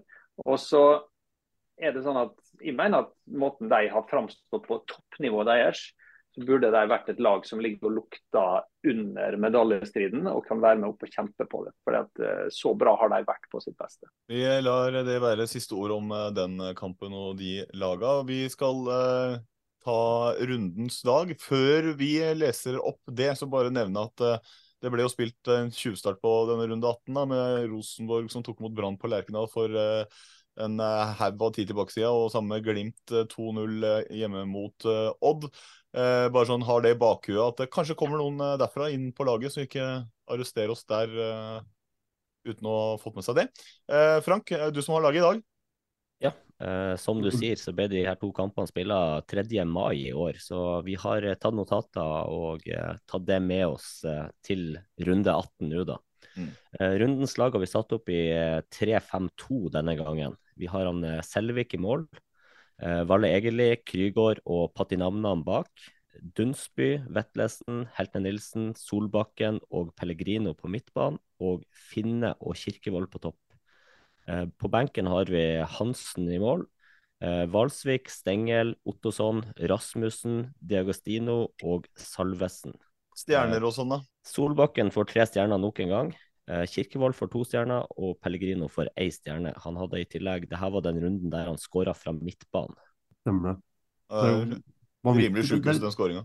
Det er litt rart å se på uke, altså rundens lag uten en Reitan i midtforsvaret der. Han er, han er jo alltid klink inne fra Jonas. Er hver gang. Hvor, hvor mange ganger har Reitan vært med i år? Du kan, være, du kan være helt sikker på én ting. vi, vi, vi har statistikk på Arskan. Det er ingen lag som altså Rosenborg er laget som har med færre spillere per Ja. poeng de har tatt. Så den der Vi kommer den- du ikke noe langt med. Men du kan, være, du kan være sikker på én ting, Arskan. Når Rosenborg taper 0-2 hjemme mot Brann, så var Reitan soleklart best på RBK og nærmest Ja. på laget. Ja, Det ikke Var ikke, han, var ikke Andre Hansen med, Frank?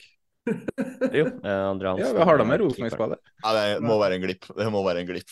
Så vi kan hadde ikke vært for, hadde, hadde ikke vært for Andre Hansen i kampen, så hadde Rosenborg tatt ny eh, rekord på Lerkendal i størst tap, tror jeg. Altså. Så, um, ja, Brann bra den Brann har vel sånn historisk sett noen eh, stortap og hevn mot Rosenborg, så kanskje de skulle håpe han Andre Hansen ikke sto i mål. Ja, det har blitt fort 6-0 uten han i den kampen. Ålreit. Vi må videre. Eh, vi eh, går rett på plusser og minuser. Og da kan eh, jeg, gjør det enkelt for min del, så jeg ser dere fra venstre til høyre. Så Jonas, du kan få ta din eh, pluss først. Ja, jeg har eh, valgt å gi til supportere.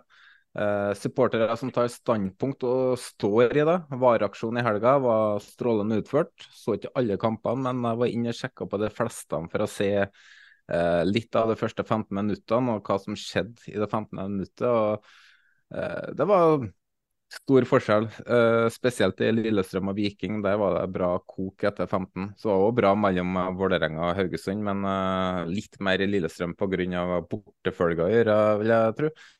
Um, og så er det den opprydninga som vikingsupporterne tar etter kampen, og som er eh, en veldig fin gest. da. Arskan? Eh, Rundens pluss er det samme. Jeg må gjøre det til eh, den vareaksjonen. Jeg synes eh, jeg har vært dritstressa hele uka nå. eh, Fram til første hjemmekamp. Ja, For du trodde at, du trodde at Vålerenga kom til å skåre første 15? Nei, nei det, det, det var jeg ganske trygg på at jeg ikke skulle gjøre. Men man, man vet jo aldri. Så da jeg, jeg satt jo nervøs i 15 minutter og venta. Vær så snill. Men Men så har jeg vært gjort en god jobb på, på Valle uh, med klanen og klanstyret, som har delt ut uh, informasjon til begge langsidene. Så det var veldig bra. Uh, så det er min rundens pluss. Frank? Jeg har gått kommentatorveien denne gangen, og faktisk, i, i og med at jeg har sett de fleste kampene denne helga siden det var så spredd, så de fleste kommentatorer har eh, anerkjent eh, protesten og sagt på en måte når, når, det er i gang, så sier de på en måte det vi alle sammen tenker. Det her med det at nå er publikum i gang igjen, og da kjenner du at det lever på, ei, på en stadion. da. Så rundens pluss er det at kommentatorene faktisk snakker om at eh, nå er supporterne i gang. Amund, din pluss? Jeg kom inn og være VAR-patriot og si at jeg er veldig negativ til VAR? Uh, da kan vi mute, vi kan mute deg, vet du. Nei, jeg skal ikke gjøre det, altså. Uh, du, jeg holder meg til det sportslige. Jeg er ute på banen. Og min pluss denne runden her går jo til Målpål. Uh, HamKam som spissen som gjør to skåringer i en veldig viktig kamp for HamKam borte. Trivelig, hyggelig Målpål. Han er en fin type. Så Han jobber hardt for å komme dit ned hun slo ikke gjennom som eh, unggutt, han, men han gikk via Danmark og så kom han hjem igjen og har blitt en bra og viktig eliteseriespiller. Så kred til han. Eh, Not, eh, de får eh, Molde. Skal de eh, ha sjanse til å kvalifisere seg til Champions League igjen i 2023-sesongen, altså inn mot 2024, så kan de ikke avslutte kamper på den måten de gjorde i Sandefjord. Så dessverre, Molde. Eh, det var ikke noe mestertakter det dere gjorde etter å ha tatt 2-1-ledelsen der nede. Og Jonas, din eh, minus, da? Den gir jeg til Bodø-Glimt i forbindelse med Amal Pellegrinos mulige overgang til utlandet, hvor både han og klubben kunne tjent gode penger på en overgang. Jeg skjønner at klubben takker nei, eh, hvis de føler at gevinsten for å beholde Pelle er større, men det må da gå an å kommunisere. Nå blir klubben jevnt og trutt beskyldt fra egne supportere om at de er for dårlige til å kommunisere, men her har det altså svikta sin egen spiller, som eh, har sørga for masse sportslig suksess og glede oppe i nord. Og da må man forvente at klubben faktisk informerer Pelle om at det, vært, om at det er interesse for han, spør du meg. Var ikke det Saudi-penger, da? Det vet jeg ikke. Jeg tror faktisk det. Men uh, bare for å skyte den der, da. Nå er det mye i den der saken der som ikke er helt uh, kommet frem. Ikke å ødelegge alt med fakta.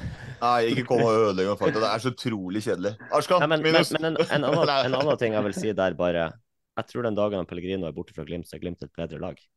Oh, shots fire. Da går vi til Arskan.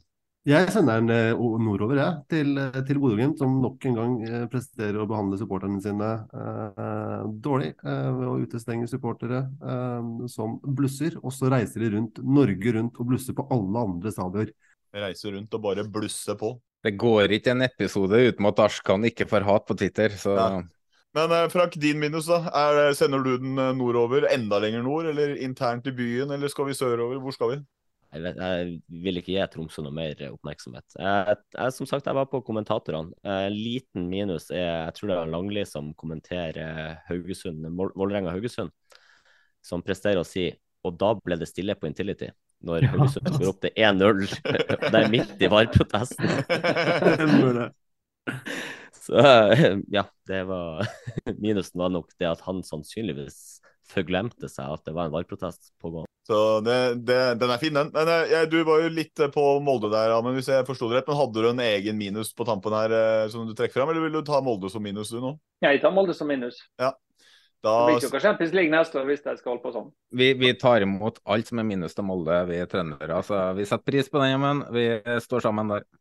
Ja, men du vet at jeg er gammel Molde-fan. Som lite barn så heier jeg på Molde. og Satt på 87 på Molde stadion og gråt for at Molde ikke tok gullet mot Moss. Og så, ble du, og så ble du frisk. Og reiste til Ålesund, ja.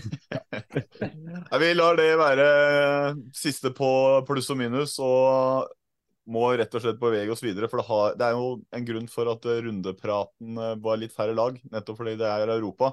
Og det må vi se litt på nå. 69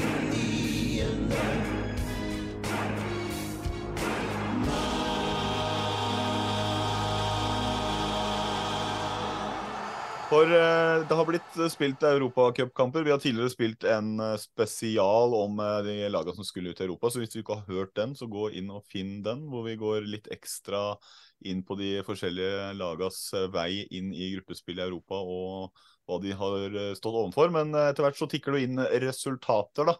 Eh, og det spilles eh, kamper eh, i både Norge og, i utlandet. Og Frank, du hadde veldig lyst til å se i hvert fall kort på hva som har skjedd i eh, disse europakampene, eh, i og med at det ble litt redusert runde, kan du si da. Ja da, vi må jo snakke bitte litt om eh, lagene, i hvert fall. Og det er jo, eh, det er jo eh, bare, Vi kan jo egentlig bare oppsummere ganske raskt, eh, og så kan vi komme med tanker etterpå. Eh, Molde tapte jo mot eh, Klaksvik eh, og har nå hjemmekamp i morgen, er det vel. Sannsynligvis er vel sa, samme dag som episoden kommer ut, da, så i dag kan vi si. Eh, Rosenborg vant eh, 2-1 mot eh, Hearts, men skal til Skottland og i returen. Så er jo hold, Holder det med 2-1, eller blir det tøft for, for Jonas og gjengen sin? Eh, Glimt eh, vant 3-0 mot eh, Punic hjemme, men skal nå på 1000 høydemeter og 40 plussgrader, så kan bli tøft, det også. Og så Brann klarte å få en redusering til eh, 1-2 i Portugal, så har jo i hvert fall fortsatt et håp om å snu det i Bergen, da. Så Ja, for det den var viktig for den var viktig for Brann. Det var nesten over før, man, før det hadde begynt, men den var viktig. Eller hva tenker du, Amund? Vi kan starte med Brann. Den skåringa der, det er vel kanskje det som tenner det lille håpet om at det kan bli gruppespill allikevel? Ja, det er så vanvittig avgjørende. Så er det, men så er europakampene, Jeg har jo noen europakamper fra min karriere. Det, det er så annerledes enn seriekamper i Eliteserien. fordi at eh, den der heime-bortebane-fordelen er så stor forskjell. Eh, og inngangen til laget er ofte en sånn stor forskjell. Mental inngang. Så det, den skåringa Brann får, den er så viktig. Komme der nå, Brann stadion trykket som kan være der. Det er en helt åpen kamp, men det er jo ikke tvil om at Aroka eh, skal være et bedre lag, og kanskje burde ha vunnet mer i kamp igjen. Hvordan er det når du, når du er midt i europakamper, enten en kvalifisering eller gruppespill, og så har du seriekamper i tillegg, og så drar du ut og spiller, så skal du hjem og spille mot Sandefjord borte f.eks., og så skal du ja, spiller en stor kamp ut igjen eh, et par dager etterpå. Hvordan er det for en spiller å være i den syklusen der? Det er interessant, for at Ta de som har vært siste åra fra Norge, Bodø-Glimt og Molde, så er det forskjellig inngang. Bodø-Glimt dundrer på med samme gjengen. De skal spille alt, de skal tåle alt, og så skal de male over det. Og Det har de gjort med suksess, iallfall eh, tidligere. Mens Molde nå de bytter over sju spillere for å hvile til kamp mot Klaksvik eh, nå på tirsdag. Um, uten at de har suksess med det. Men det, klart det kommer jo inn noen sultne spillere da, på Molde som skal vise seg fram og vise treneren nå skal jeg virkelig slå meg inn på laget. Men så er ikke relasjonene der, og så er ikke samspillet, og så blir det ikke noe suksess ut av det. Um, men spillere som er godt trente og som har alder til å restituere seg, elsker kamper. Det er ikke noe å lure på engang. Jeg har lyst til å gå litt inn på Molde-Klaksvik, for det er jo kanskje den viktigste kampen med tanke på at det er Champions League. da. Og Jeg hører jo flere som sier at det er et lag som Molde skal knuse og i ni av ti kamper osv. Men jeg syns det, det er sånn ovenpå nedholdning da, for at vi sitter i Norge og kikker litt ned på de nasjonene som, ja, sånne små nasjoner som Færøyene. Man må ikke glemme at de har slått ut Ferencvaros og de har slått ut Hekken på veien. Det er ikke akkurat uh, miniputt, det heller. Og Molde sleit jo nå mot Sandefjord i helga. De sleit mot HJK Helsinki i kampen før.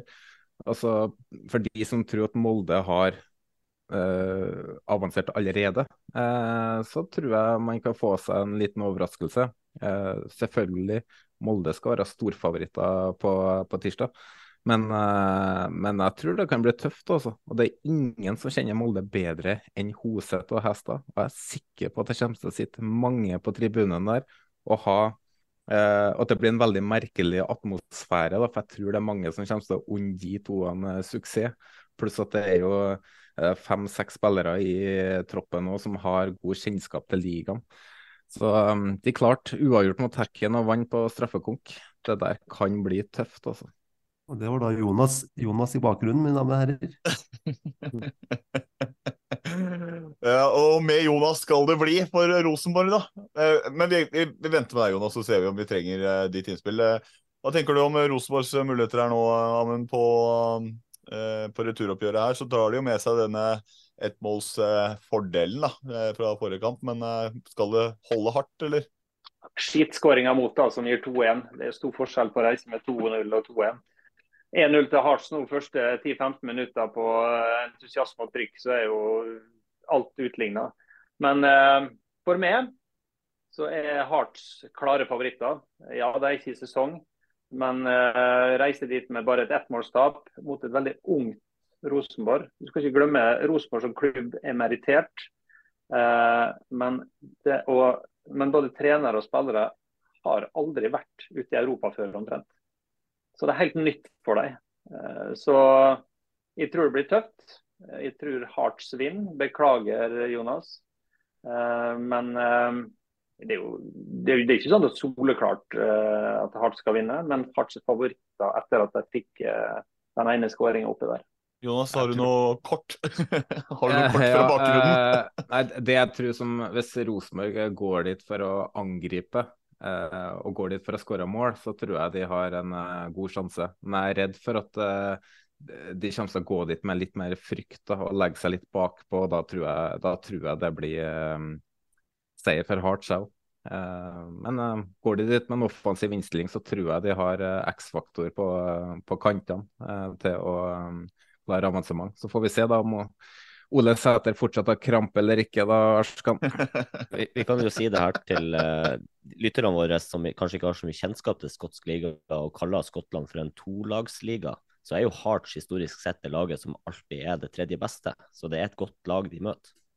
Det er jo kanskje det laget som har uh, kall det si lavest puls av de som skal ut i returoppgjøret. Det er vel ditt kjære Glimt, Frank. Du uh, har trua på at det skal ta steg inn mot playoff?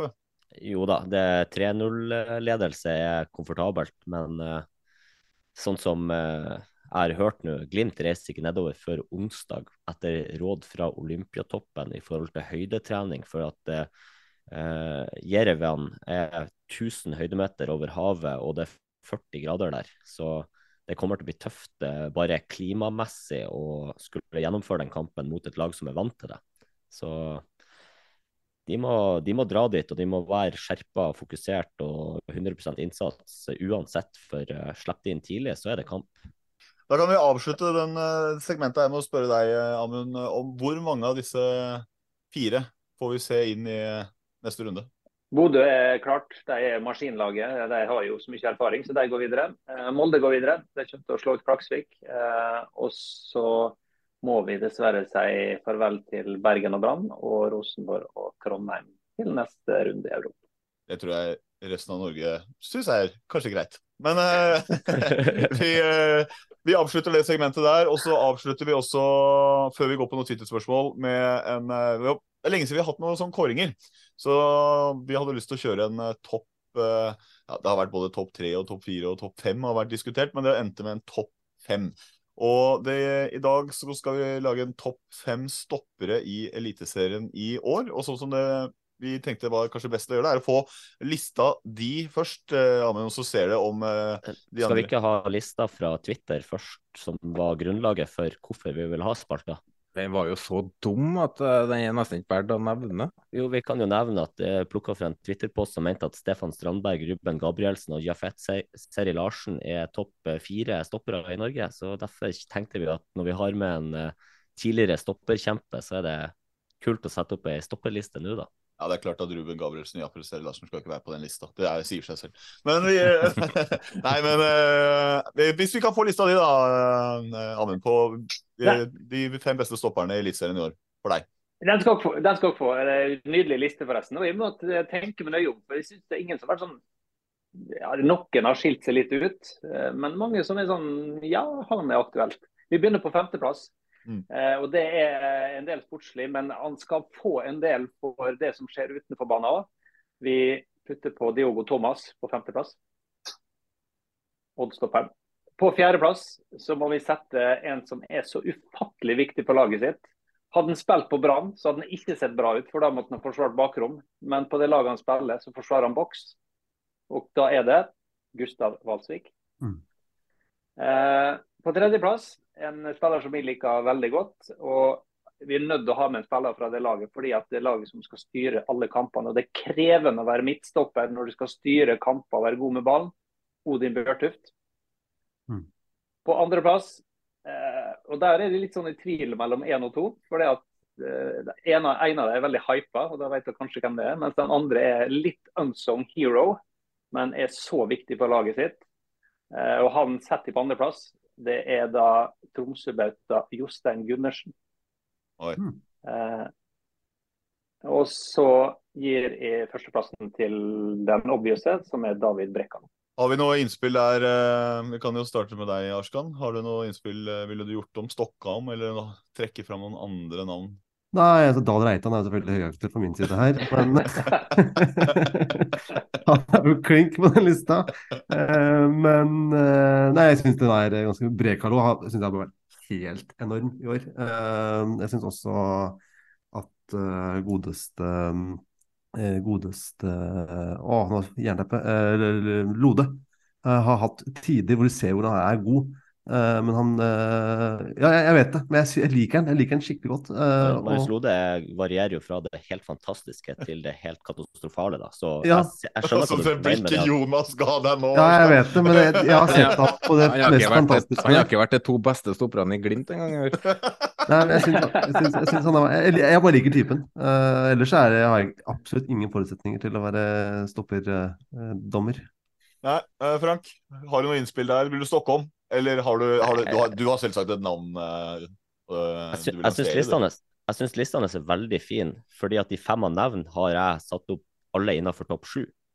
Uh, så inne på femteplass hadde jeg Ruben Kristiansen, og inne på tredjeplass hadde jeg Bjørn Inge Utvik. Uh, ellers så hadde jeg Odin Bjørtuft på nummer seks og Diogo Thomas på nummer sju, så de faller ut av lista mi, men jeg er for så vidt enig med lista til Amund. Sånn er det når vi Ja, det- eh, gir Frank ja. en oppgave om å lage topp fem-liste, så lager han topp sju. Nei, jeg, sånn hadde- jeg, hadde faktisk topp ti. Jeg her- har topp 69.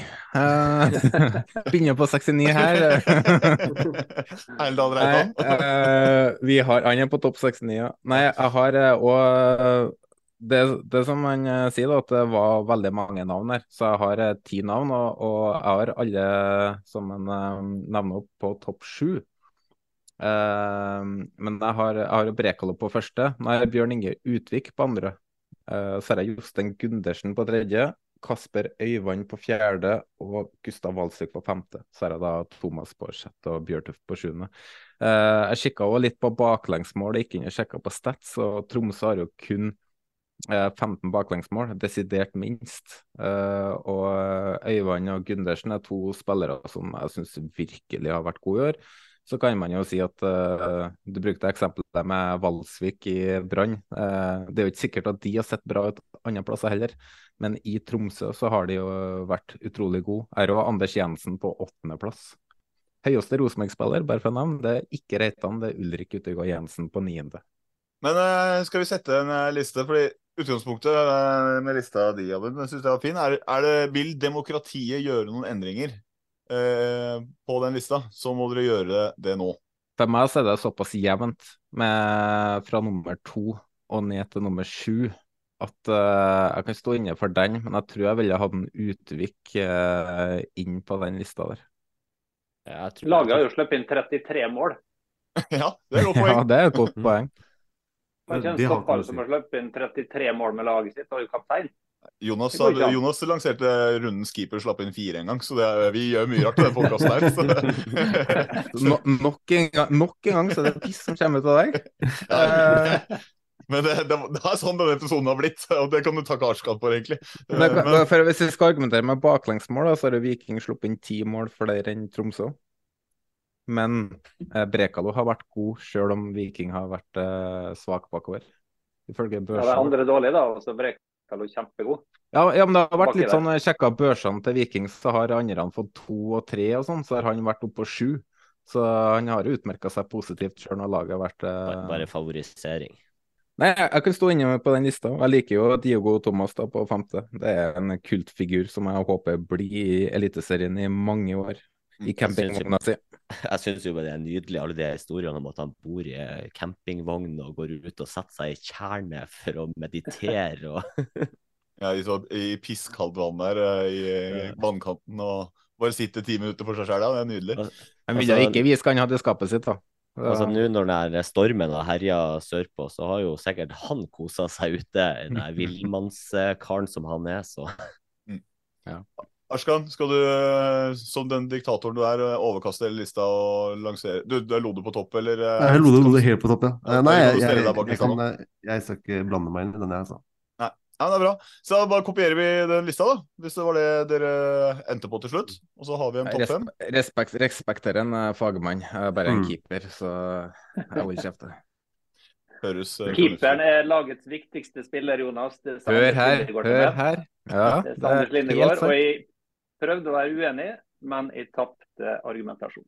I uh, Jonas sin verden så er keeperen denne podkastens viktigste spiller også, så det er, uh, det er noe med mentaliteten her. Men uh, da avslutter vi den topp fem-spalten, og så hopper vi bare rett til at det hadde kommet inn noen Twitter-spørsmål. Og nå må jeg ærlig talt innrømme at jeg vet ikke hvem av dere faste her som tok ansvar for det, så da bare sender jeg ordet til den som tok ansvar for de Det, det er snart, Snorre, var det noe du tok ansvar for i hele tatt før denne episoden her? Men jeg var ganske klink på at det skal jeg ikke. Ikke før denne episoden. Så ikke, det altså, jeg, jeg har vært tydelig på meldt, det i tre uker. Nå. jeg skal drikke på søndag da, til- Haugesund, så da, da er jeg ikke helt tilgjengelig på mandag. Så kan den som har Twitter-spørsmål, bare ta det. Kan bare ta den delen.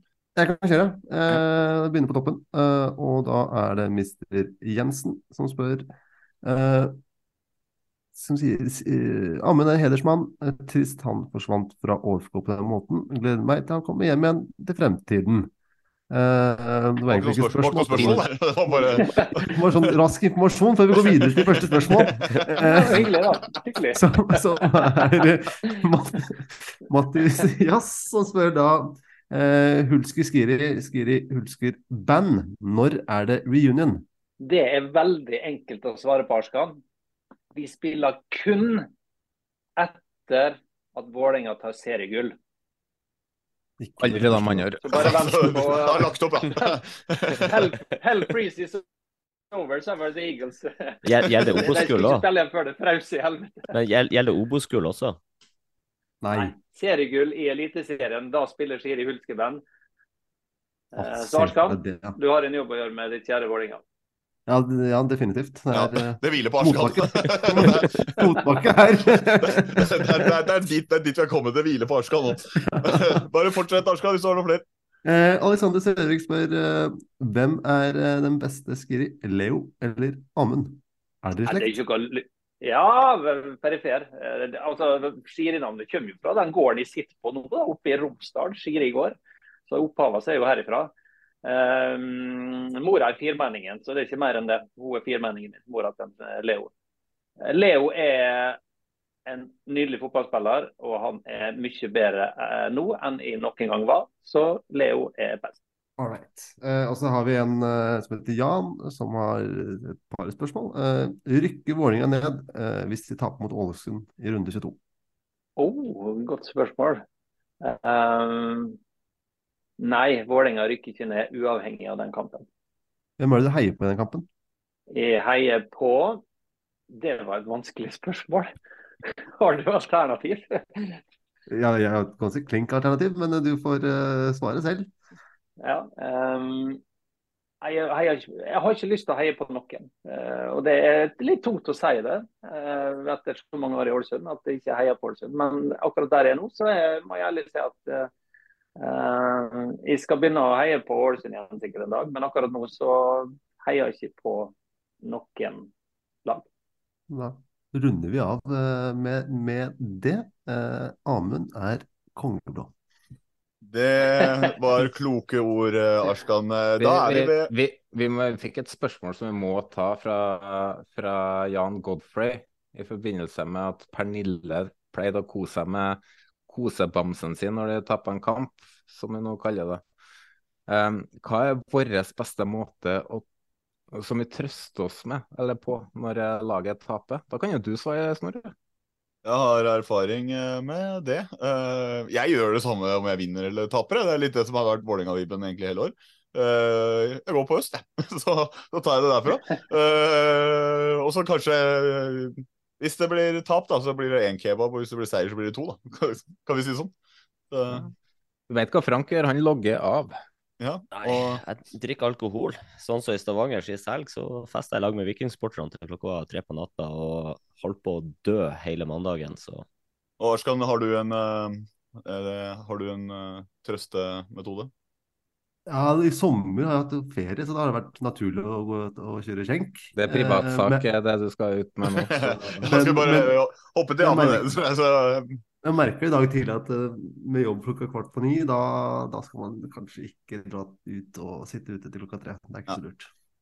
Men uh, har du en sånn uh, Når du var kanskje spiller uh, selv, hadde du en sånn for å komme ut av den derre dagen der på tapfølelsen? øh, Hadde du noe du gikk til for å koble av da? Ja, altså, på, på kampdag, eh, når du reiser hjem og skiter og lort, og du har tapt, så setter jeg på musikk.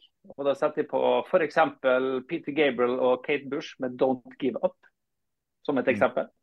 Mm. Hvis de hadde vunnet, så gikk jeg hjem og satte på Mark Knopf The Dice Rates med 'Local Hero Going Home'. Um, som et eksempel. Godfølelse versus å skape seg en bedre følelse. Dagen derpå så handler det om én ting. Gi deg sjøl en ny fotballopplevelse fortest mulig. Det handler om å gå på trening, spille fotballtennis, spille en five-side, gjøre et eller annet som får fotballhumøret ditt opp igjen. Kloke ord. Vi må høre mer musikk, Arskan. Det er i hvert fall sikkert og visst. Uh, så var det sånn at vi nærmer oss uh, slutten. Men Frank, jeg vil får på øret her uh, at du har tre kjappe spørsmål til meg. For vi hoppa over det egentlig, men at du hadde tre kjappe til meg. Ja, eh, jeg regna med at du hadde forberedt tre kjappe til alle andre, så jeg forbereder tre kjappe til deg. Men eh, ja, eh, nummer én. Gleder du deg til unge nummer to kommer? Ja. Eh, blir, nummer to, blir vi å se deg noe i podkasten de neste månedene? Ja. Tre. Eh, hvem er Oslos beste lag om tolv måneder, og hvorfor er det KFUM? Eh, hvem, hvem som er Oslos beste lag om tolv måneder? Jeg eh, tror eh, det er Vålerenga, fordi det er kampen om Obos. Vi skal opp igjen, vi. Det er ikke tenkt på det. Så opp på Diran. Eh, så om tolv måneder er vi best. Men var det, det var det du hadde? Ja. ja, jo, altså hvis, vi, hvis det her er siste episoden vi ser deg på noen måneder, så Nei, nei, nei, det går bra. Jeg skal være med. Skal være med. Men da er vi egentlig ferdig. Eh, så vi må egentlig først og fremst eh, takke dagens gjest, Amund Anders Takk for at du tok deg tid til å prate runde og litt annet fjas, og høre på fjaset vårt. Eh, veldig hyggelig å ha deg med. Takk for at vi fikk lov å være med. Og keep up the good work, eh, boys. Det er så bra at dere highlighter Eliteserien, som er verdens beste fotballiga. Det er ikke noe å lure på engang. Amen. Det der var deilig. Og eh, vi eh, må også selvfølgelig, som alltid, rette en takk til Vestfold Lydstudio og Jesper Arne Kjærnes eh, for intromusikk og jingler og sånn. Og Jan Erik Balto for design og merch og T-shirt.no for det arbeidet de gjør. Og vi vet også at mange venter på VAR-merch nå. Det sendes ut fortløpende så fort de får inn, bare sånn at jeg klarer det. Men selvfølgelig takk for de som hører på. Takk for de som sender inn spørsmål. Takk til eh, Jonas og Ashkan og Frank for at dere Ja, Frank for at du har lagd eh, kjøreplan. Det setter frys på. Og eh, fremtida framover nå er at Jonas har jobba ganske lenge med å lage en ordentlig vikingspesial som Frank og Jonas skal ta.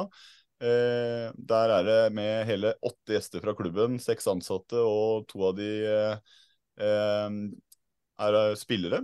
Eh, Så det her blir en eh, ordentlig dypdykk i eh, Viking som vi gleder oss masse til.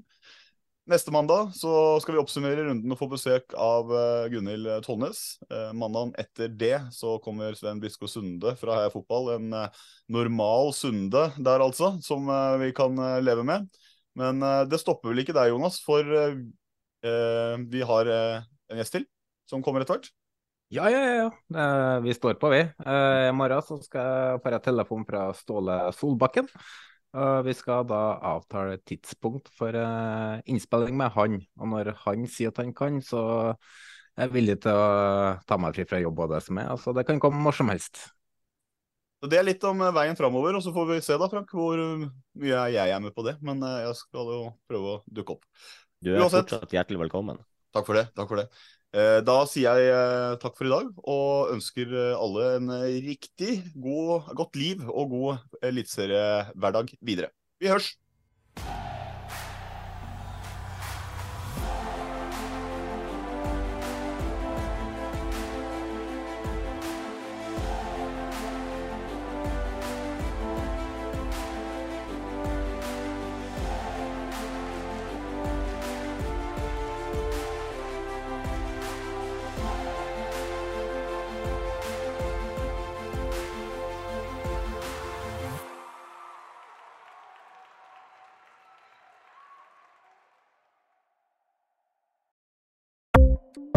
Ukens annonsør er HelloFresh.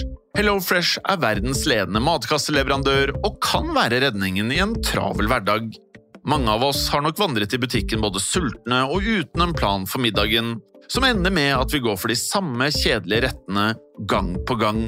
Middag burde være dagens høydepunkt. Som HelloFresh kan du nå velge mellom 25 ulike retter hver eneste uke, eller få HelloFresh til å sette sammen menyen for deg.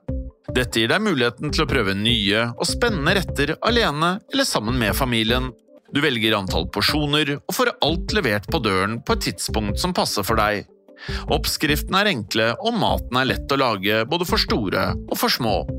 Ved å få alt levert hjem får du også mer tid til å dele matgleden med familie og venner. Kanskje det frister med asiatiske tacos eller greskinspirert kylling? Da kan jeg anbefale deg om å gå inn på hellofresh.no. Her kan du bruke koden FOTBALL og få opptil 1779 kroner i rabatt på de første fem matkastene hvis du ikke har prøvd HelloFresh tidligere. Du kan også bruke rabatten hvis du har vært kunde og stoppet abonnementet ditt for tolv måneder siden eller lengre. Gå inn på hellofresh.no og bruk koden FOTBALL.